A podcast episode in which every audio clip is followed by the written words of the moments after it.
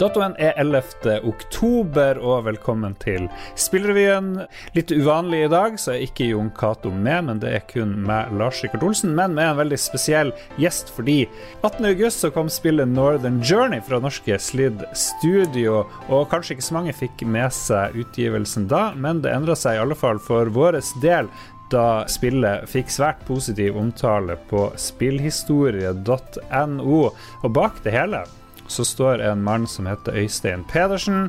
En mann kanskje ikke du har hørt om før, men for at vi alle skal lære mer, så ønsker vi deg velkommen hit. Tusen takk. Ja, hvem er du?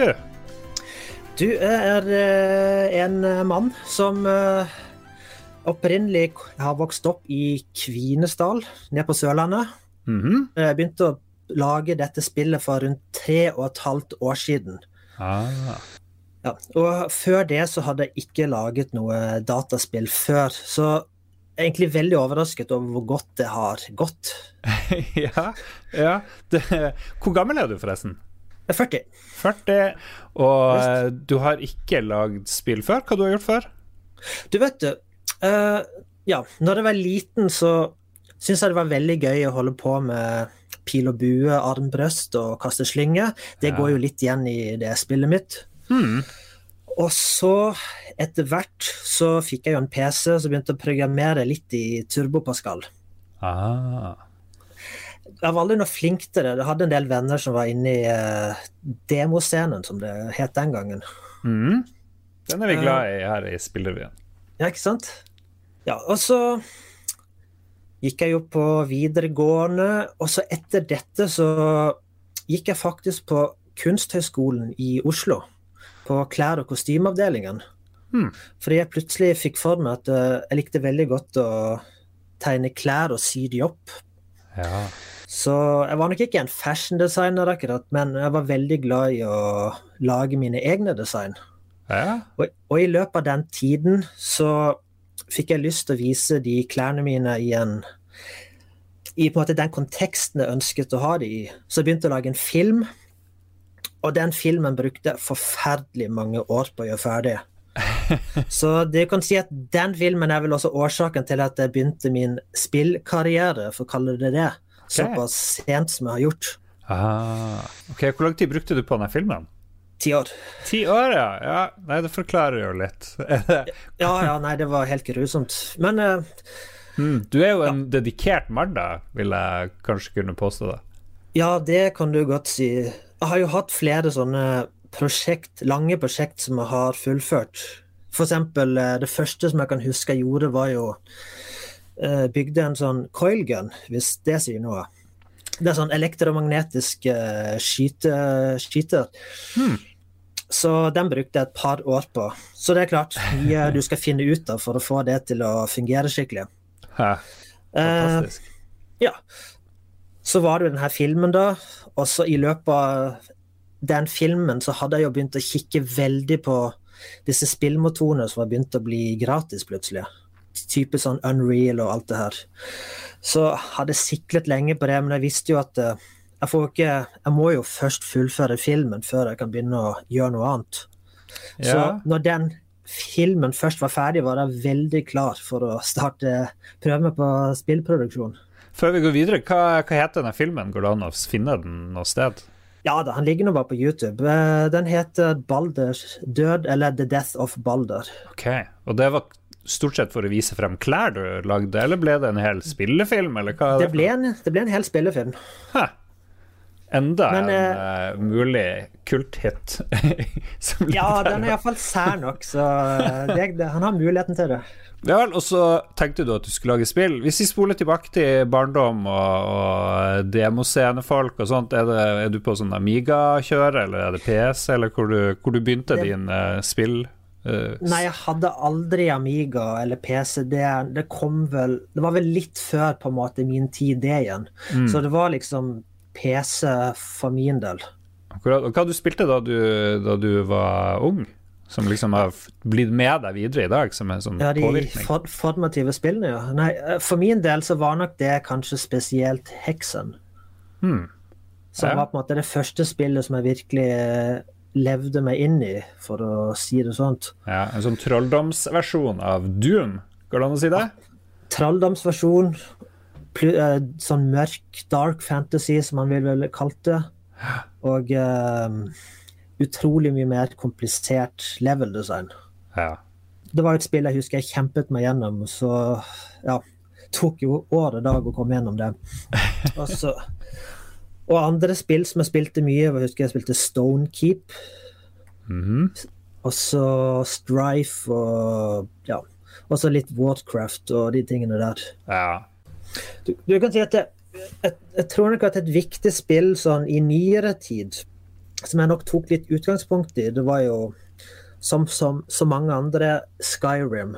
Ah. For det var et spill som hadde mye jeg likte, men også mye jeg ikke likte.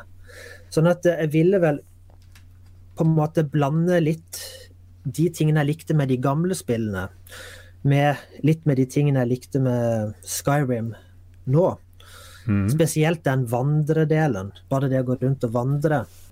Men så var det også mye jeg ikke likte med Skyrim. F.eks. at det var så mye generisk innhold. Masse huler som ser prikk like ut, osv. Og, så videre, og, masse Sidequest, alt sånt som alle likte. Så ville jeg på en måte lage en linær Skyrim, men med elementer av heksen og alle disse gamle spillene. Det ser jo helt magisk ut. Nå har jeg jo gjort sånn som mange andre. Jeg har gått på Steam og sett at jeg kan kjøpe det her for 83 kroner, og så er det flere trailere der og masse kule bilder. Eh, det er jo ingen jeg har eh, hørt snakke om det spillet som ikke har lyst til å teste det. Så det er liksom nummer én, det ser så kult ut. Nummer to Uh, har han gjort det her alene? Og nummer tre, hvem er han der fyren her? Han har liksom sklidd under radaren på mange. Uh, har du liksom gått under radaren, føler du, eller er det ufortjent uh, rykte? Du kan si at jeg har jo selvfølgelig gått under radaren. Én ting var det at jeg begynte jo bare å lage det her spillet for min egen del. Jeg har jo en deltidsjobb som på en måte gjør at jeg holder meg flytende økonomisk. Og så har jeg bare utviklet dette spillet på si, så har jeg ikke søkt om penger eller disse tingene her. Så jeg har jo ikke på en måte fått Så folk har jo ikke fått vite at spillet er under produksjon i hele tatt. Hvorfor har du altså, ikke søkt om penger? Nei, mest fordi at uh, det virket for det første veldig komplisert å søke. Det virket, altså, og så var, altså, jeg var jo så vidt inne og kikket, men så er det jo det at du må jo gjerne da må du vite ganske mye. Du må liksom ha budsjettet klare, og du bør gjerne allerede være kanskje et enkeltmannsforetak. og mm. Ja, og, og jeg, jeg, jeg, stolte ikke på at jeg selv ville kunne greie å lage et spill engang. Nei. Nei. Så jeg var liksom veldig usikker på om det var noe vits å sette i gang med. Og så når jeg først så at jo, jeg får faktisk til å lage dette spillet, så så jo det at jeg, jeg trengte jo egentlig ikke å søke om penger. Du kunne fått masse penger da, sånn til å reise rundt, markedsføre ting. Det er jo kanskje ikke for seint heller, nå aner jeg ikke. Det jo, har jo vært veldig mye problemer når spillet kom ut etterpå, at ingen ventet på det. Nei. Nei. Det er jo mange og, som sliter med å markedsføre spillene sine. Én ting ja. er jo å lage det, og en annen ting er jo å få, få folk til å vite om det. Så... Det, er jo, det er vel gjerne sånn at de to personlighetene som trengs, er ganske forskjellige personligheter.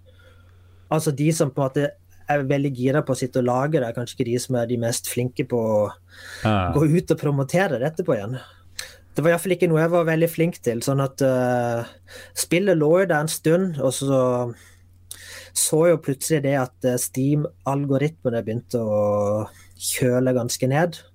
Ah, ja. Pluss oss, men så, så, hadde jo de som hadde spilt det, var jo veldig på å pushe meg til å promotere det. Ja. Så det er jo på en måte litt i løpet av den uh, lille runden jeg da tok etterpå, at alle disse her tingene har kommet. F.eks. at uh, dere fikk vite om spill og sånt. Mm. Så det har jo vært en vanvittig god investering den tiden jeg brukte på det. ja, der ser du. Bruk litt tid på markedsføring. Det er ja, ikke sant? Eh, jeg ser på Steam så har det, det har positive anmeldelser.